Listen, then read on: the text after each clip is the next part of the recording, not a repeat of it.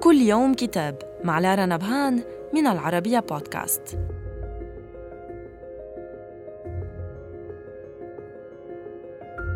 نتناول اليوم كتاب تماثيل الجان للكاتبة المصرية سمر نور. وهو رواية تتلاشى فيها الحدود بين الواقع والغرابة حيث يبدو العالم وكأنه يتحول تدريجيا إلى لعبة فيديو والأبطال داخلها أطراف يختبرون انتصاراتهم وهزائمهم ضمن قواعد تلك اللعبة.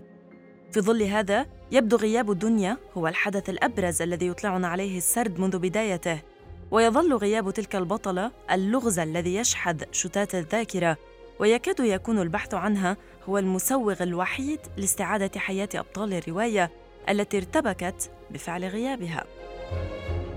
تبدو تقنية الرواية أقرب لألعاب الأحجيات حيث يمكن بناء تصورات عن دنيا من خلال روايتي عمر والجني اللتين تشاركانها البطولة.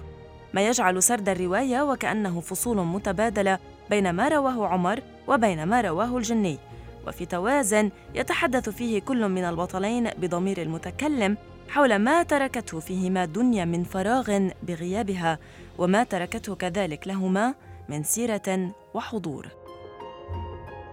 صدر الكتاب عن دار المحروسة بالقاهرة وإلى اللقاء مع كتاب جديد.